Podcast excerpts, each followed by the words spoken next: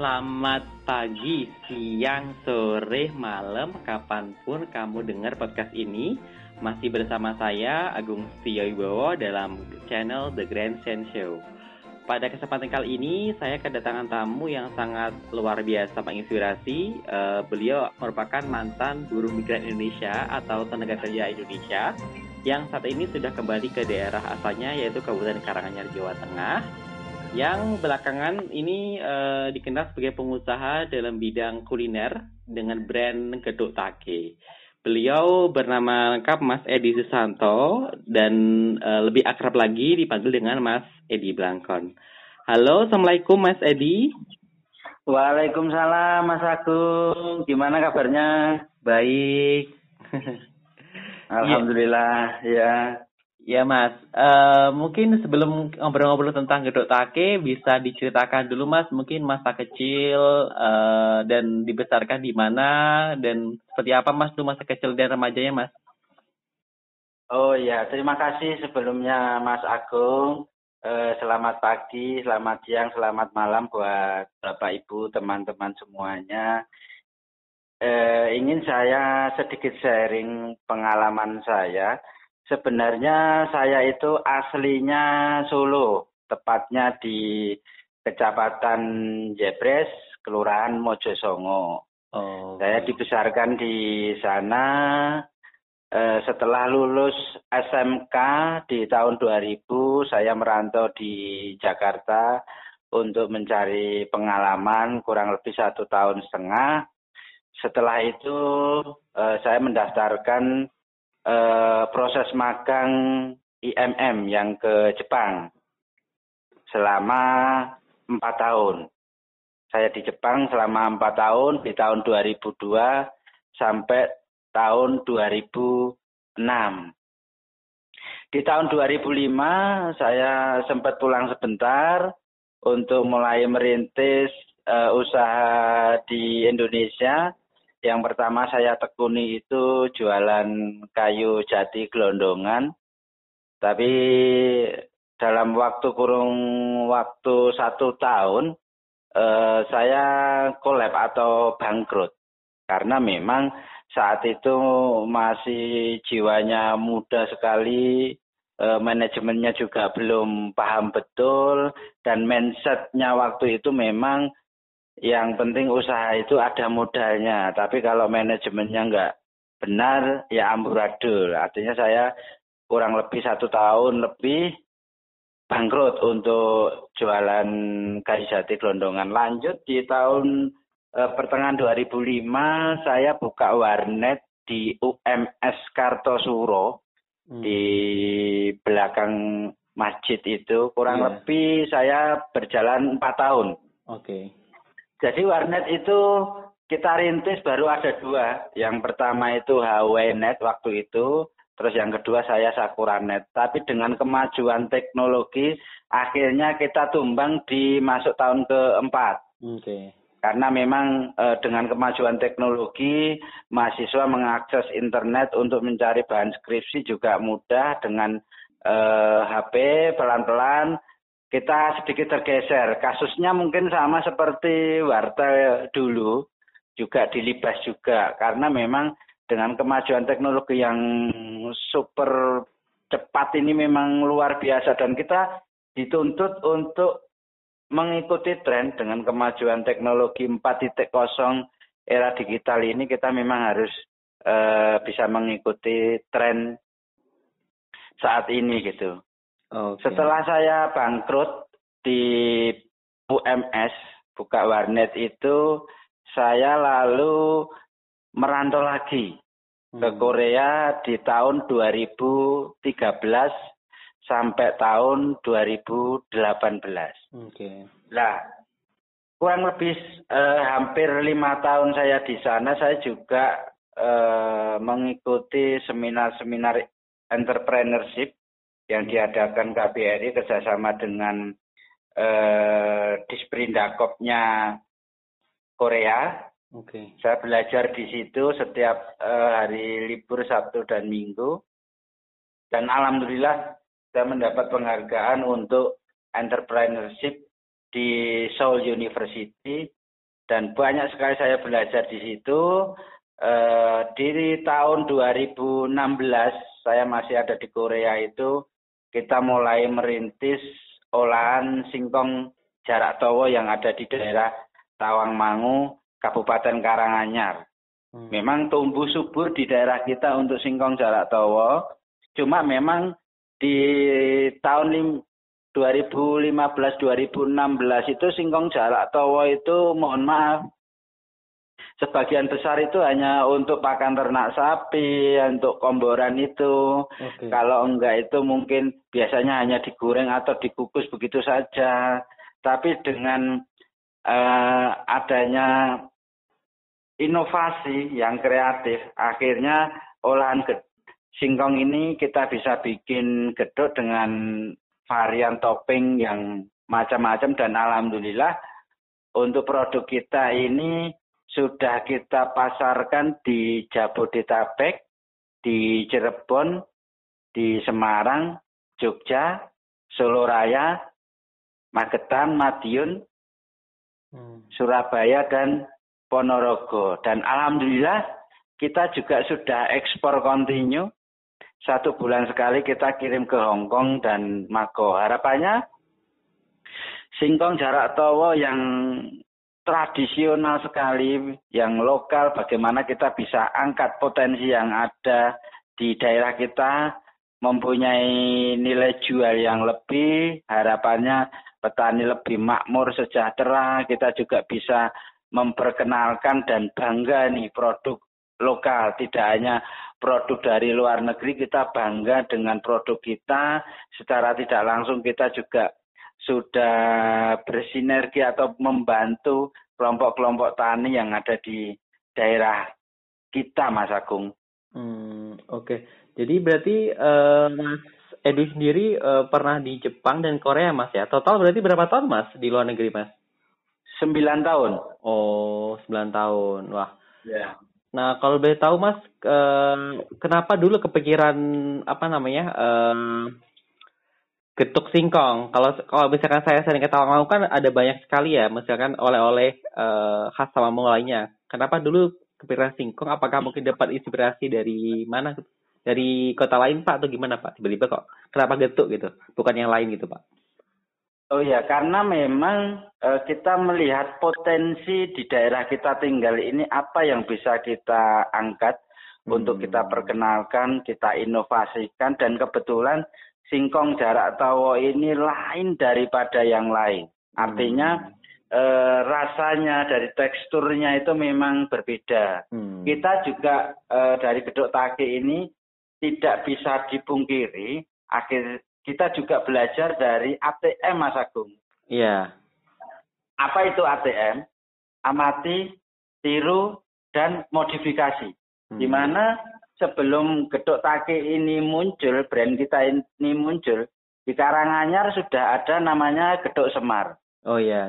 Ya, memang di Karangpandan. Memang waktu itu eh, kita hanya bisa jadi penonton. Loh, Tawangmangu ini potensi singkongnya banyak, tapi malah diproduksi di daerah lain. Loh, kenapa kita eh, di Tawangmangu kok enggak bisa bikin. Akhirnya kita bikin, terus kita inovasikan eh, yang lain, produk-produk yang lain, produk kering, terus kita mainkan topping, kita mainkan juga produk yang frozen, dan alhamdulillah dengan berjalannya waktu juga bisa diterima gitu.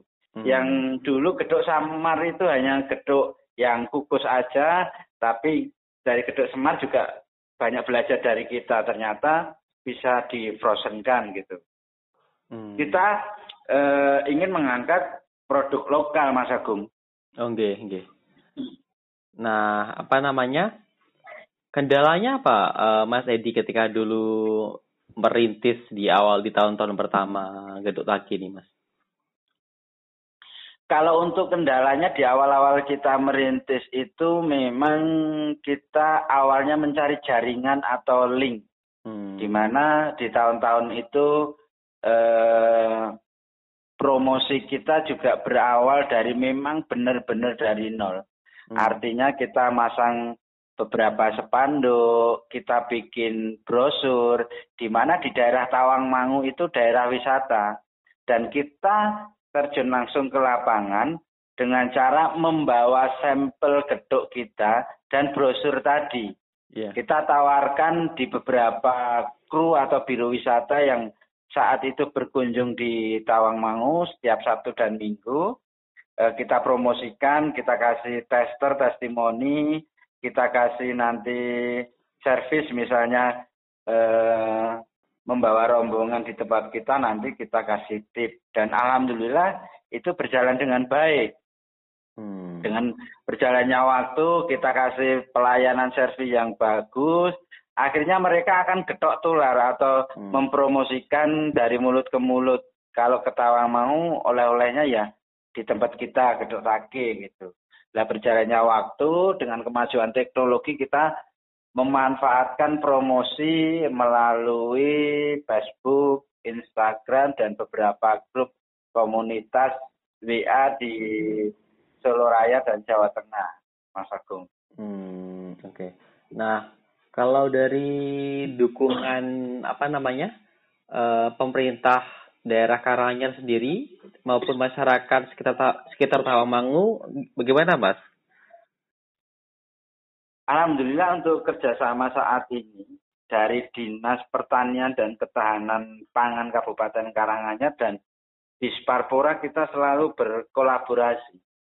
Kita ada pendampingan, bimbingan dan arahan dari Dinas Pertanian dan Ketahanan Pangan bagaimana menghasilkan singkong yang bagus, bagaimana kita bisa eh, kerjasama atau kolaborasi dengan kelompok tani, dari Disparpora sendiri juga eh, bisa membantu promosi di usaha kita, kita kerjasama dengan Disparpora tadi kaitannya dengan wisata yang ada di Karanganyar, kita direkomendasikan untuk olah-olah di Gedok Taki dan kita juga ada wisata edukasi Mas Agung sebenarnya. Jadi okay. sebelum pandemi ini kita ada wisata edukasi di mana adik-adik kita atau anak-anak kita mulai dari TK, SD, SMP, SMA sampai mahasiswa itu kita ajak kolaborasi langsung. Jadi kita ajak bikin olahan singkong, bagaimana memanen singkong yang baik dan benar, bagaimana eh, memanen, dan menanam. Jadi kita e, dari hulu sampai hilir ini kita ada kerjasama. Jadi bagaimana anak-anak atau adik-adik kita bisa senang dan bangga dengan olahan lokal ini. Oke. Nah, kalau untuk apa namanya e, kebutuhan produksinya sendiri rata-rata berapa kuintal mas per hari atau per minggu mas untuk take ini sekarang? Kalau untuk pandemik saat ini, kita dalam satu hari 4 sampai 5 kuintal, Mas Agung. Wow. Dan bisa diproduksi dalam bentuk gedok itu kurang lebih 350 sampai 400 pack seharinya. Hmm, oke okay, oke. Okay. Oh. Jadi uh, semuanya masih ini ya mas ya pakai tenaga manusia ya tradisional ya berarti ya memang perta mempertahankan ya. nilai-nilai uh, lokalnya mas ya. Ya kita kearifan lokal masih kita pertahankan. Kalau untuk mesin kita hanya untuk parut kelapa saja. Karena kalau kita manual ya rodok teol dalam satu hari juga eh, 100 yeah. butir kurang lebih. Kalau untuk pengukusan kita masih pakai kayu bakar. Jadi kita pertahankan untuk kearifan lokal dan aroma rasanya juga berbeda kalau kita mengukus singkong dengan kayu bakar. Oh, oke okay, oke okay, oke. Okay. Kalau oh ya satu lagi Mas Agung, okay. jadi eh, salah satu kelebihan dari gedok tage ini selain singkongnya tadi fresh dalak towo, untuk proses penumbuhan atau penjojohan itu kita masih menggunakan uh, lumpang jojo alu. Alu nggih, oke. Okay. Iya, kita masih tumbuh. Jadi memang rasanya atau pulennya itu memang berbeda kalau kita menggunakan mesin. Memang lebih cepat, tapi apa namanya rasa atau teksturnya memang sangat berbeda kalau kita masih menggunakan tradisional atau pakai alu jojo tadi. Hmm, nah, yang saya tahu mas ya, kalau di daerah saya Magetan itu kan eh, singkong tuh musiman ya mas ya, karena memang dataran rendah ya. Saya Magetannya, Magetan saya itu Magetan yang jauh dari Sarangan, jadi eh, bukan di pegunungan. Itu kan biasanya kan setahun hanya sekitar sekali. Nah, kalau untuk jarak tuh jarak tua sendiri ini eh, gimana mas? Apakah ada kendala musiman untuk singkongnya sendiri atau gimana mas? Kebetulan untuk penanaman singkong jarak towo di Tawang Mangu untuk saat ini kita tidak ada kendala. Artinya kita sudah kerjasama tadi dengan kelompok tani hmm. di beberapa desa di daerah kita. Oh iya, nanti contoh misalnya bulan Januari nanti desa A nanam, nanti bulan Februari berikutnya nanti desa si B, begitu seterusnya. Artinya rantai stok bahan baku ini tidak putus, artinya tidak musiman. Okay, Jadi okay. hampir setiap minggu, setiap bulan itu ada terus. Oke. Okay, Dan untuk kestabilan harga kita juga kecenderungan kontinu eh, stabil Mas Agung dengan adanya tadi kerjasama eh, petani tadi juga eh, dengan harga yang kita sepakati mereka juga akan semangat untuk menanam singkong tadi. Kalau dulu kan enggak seperti Mas Agung tadi sampaikan kan musiman. Di saat singkong pas musim panen stok bahan banyak, otomatis harganya kan turun. turun. Yeah. Nah, itu nanti ke depannya kita sebagai pengusaha juga e, kesulitan. Artinya permintaan pesanan banyak, terus petani males untuk nanam singkong karena harganya turun, kita juga kelabaan gitu. Iya. Yeah. Nah, jadi nanti kita adakan kerjasama tadi Mas Agung dengan kelompok tani, dengan kita kesepakatan harga, dan alhamdulillah stok bahan baku ada terus, harganya itu juga kecenderungan stabil itu beberapa bulan terakhir ini sudah berjalan. Hmm, oke. Okay. Kalau untuk apa namanya karyawannya sendiri ada berapa mas sekarang mas?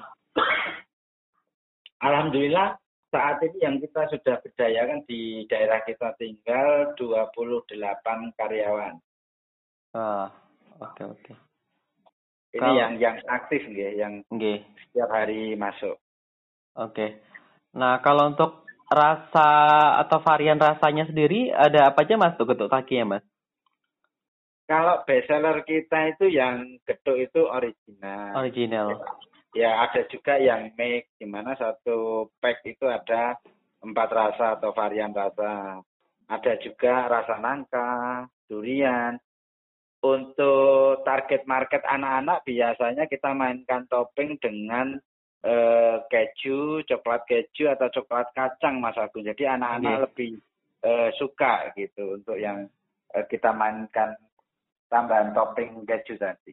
Oke. Okay.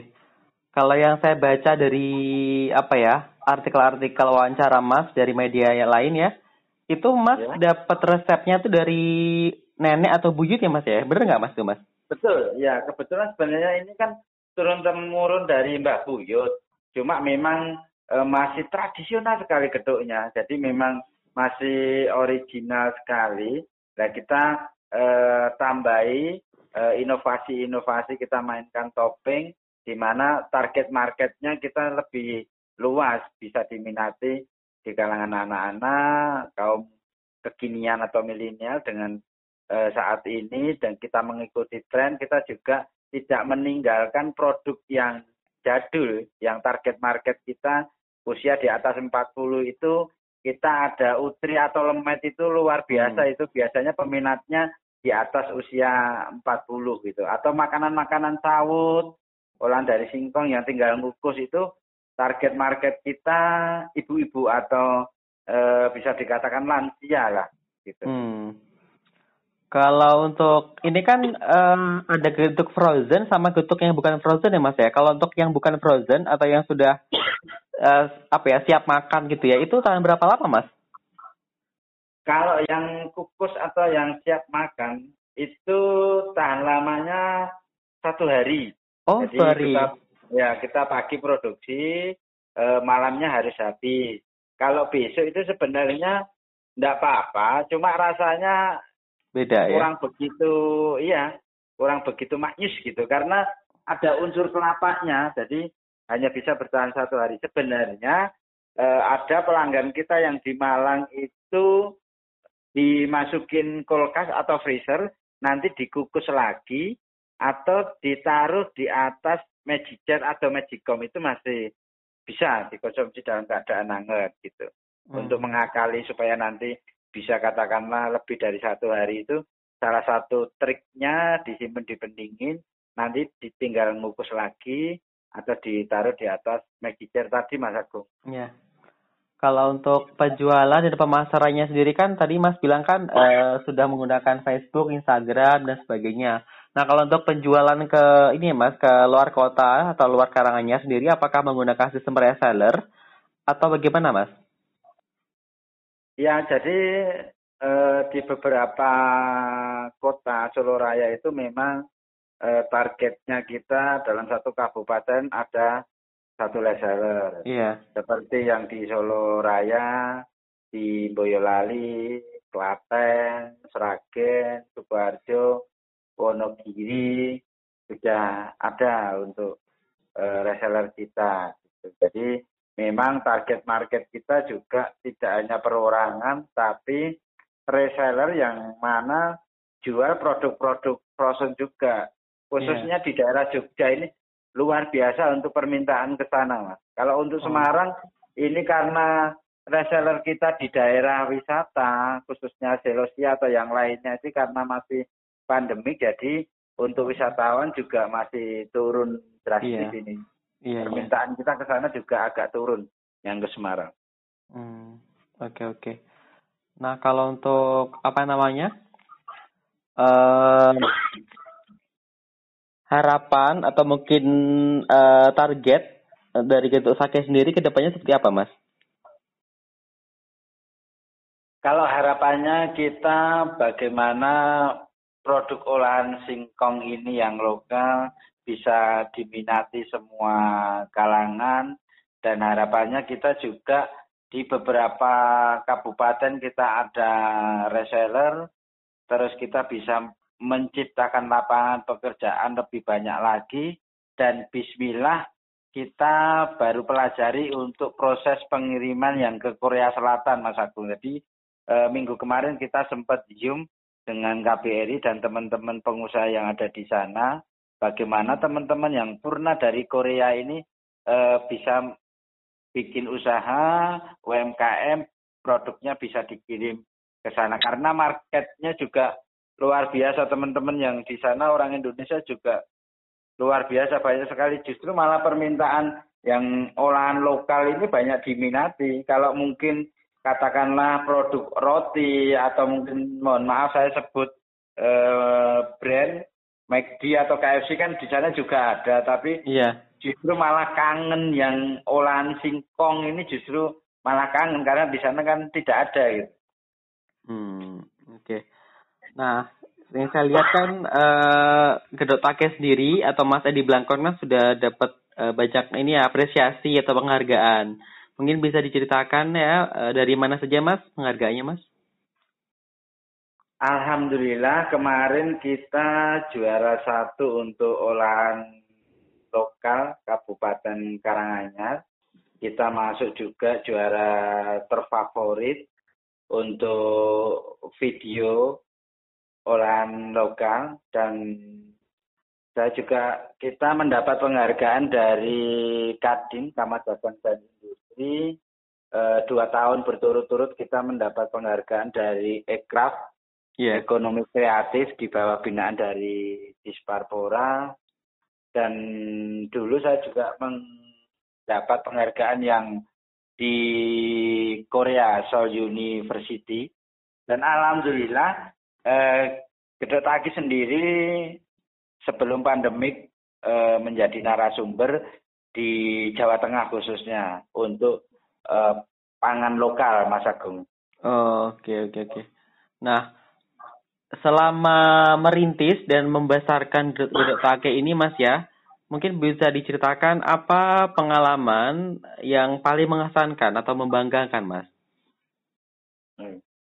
Uh, sedikit sebenarnya ingin saya sharing itu uh, bukan yang membanggakan dulu. Artinya kendala-kendala bagaimana nanti teman-teman mau merintis usaha apa pun itu, okay. kendala kita mau merintis itu pasti ada, hmm. gitu.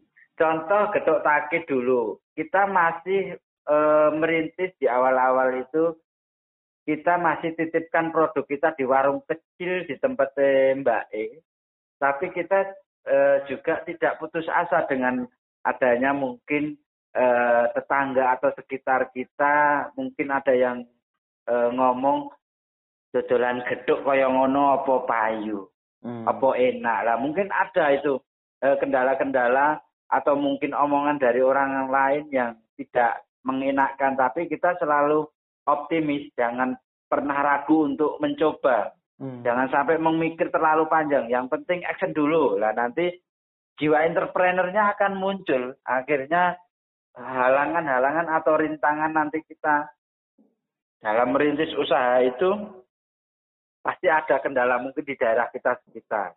Dan alhamdulillah kita buktikan dengan ketekunan, ketelatenan eh, kita, alhamdulillah bisa diterima di eh, warga sekitar. Awal-awal kita merintis, mereka mulai mencicipi, loh kok tiba enak gitu rasanya gitu.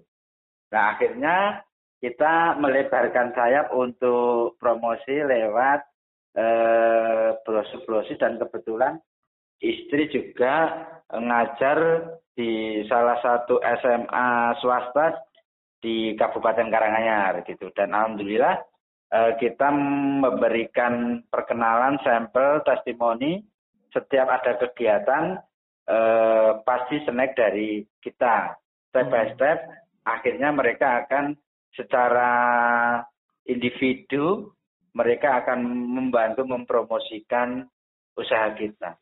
Yang paling penting Mas Agung untuk uh, wisat apa namanya usaha kuliner itu yang terpenting itu dirasa. Artinya kita selalu menjaga kontinu atau kualitas rasa terjamin. Di mana nanti eh, calon pelanggan kita atau customer itu kalau mencicipi produk kita bagaimana supaya nanti akan ketagihan, bagaimana akan kangen itu yang menjadi cita rasa itu kita pertahankan.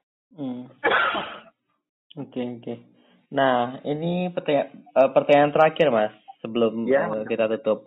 Apa pesan-pesan atau wejangan dari Mas Edi Blangkon kepada pendengar podcast ini, khususnya kepada adik-adik milenial yang ingin berwirausaha, apa pun itu bidangnya, Mas?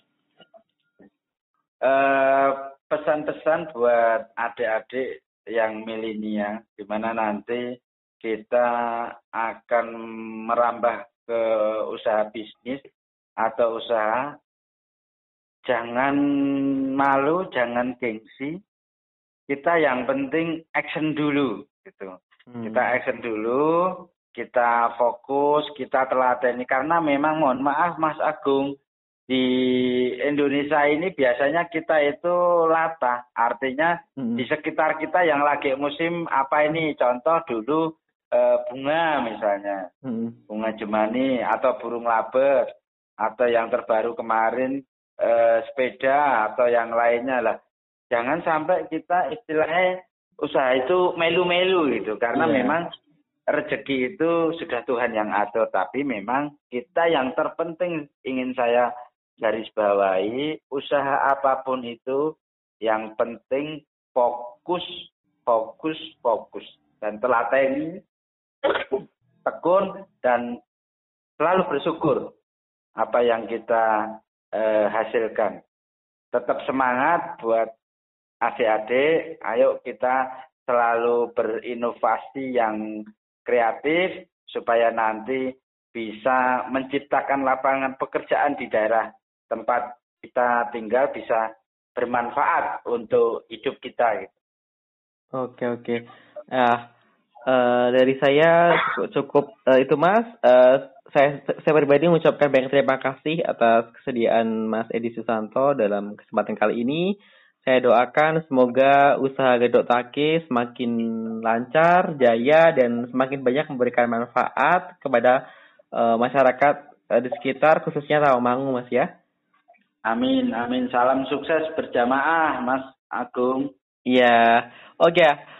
Teman-teman pendengar the podcast The Grand Show uh, itu itu sudah uh, wawancara saya dengan Mas Edi Susanto, CEO atau pemilik dari Getuk Take. Uh, nantikan terus episode-episode berikutnya yang sangat inspiratif. Sampai terhubung kembali. Assalamualaikum warahmatullahi wabarakatuh. Waalaikumsalam warahmatullahi wabarakatuh.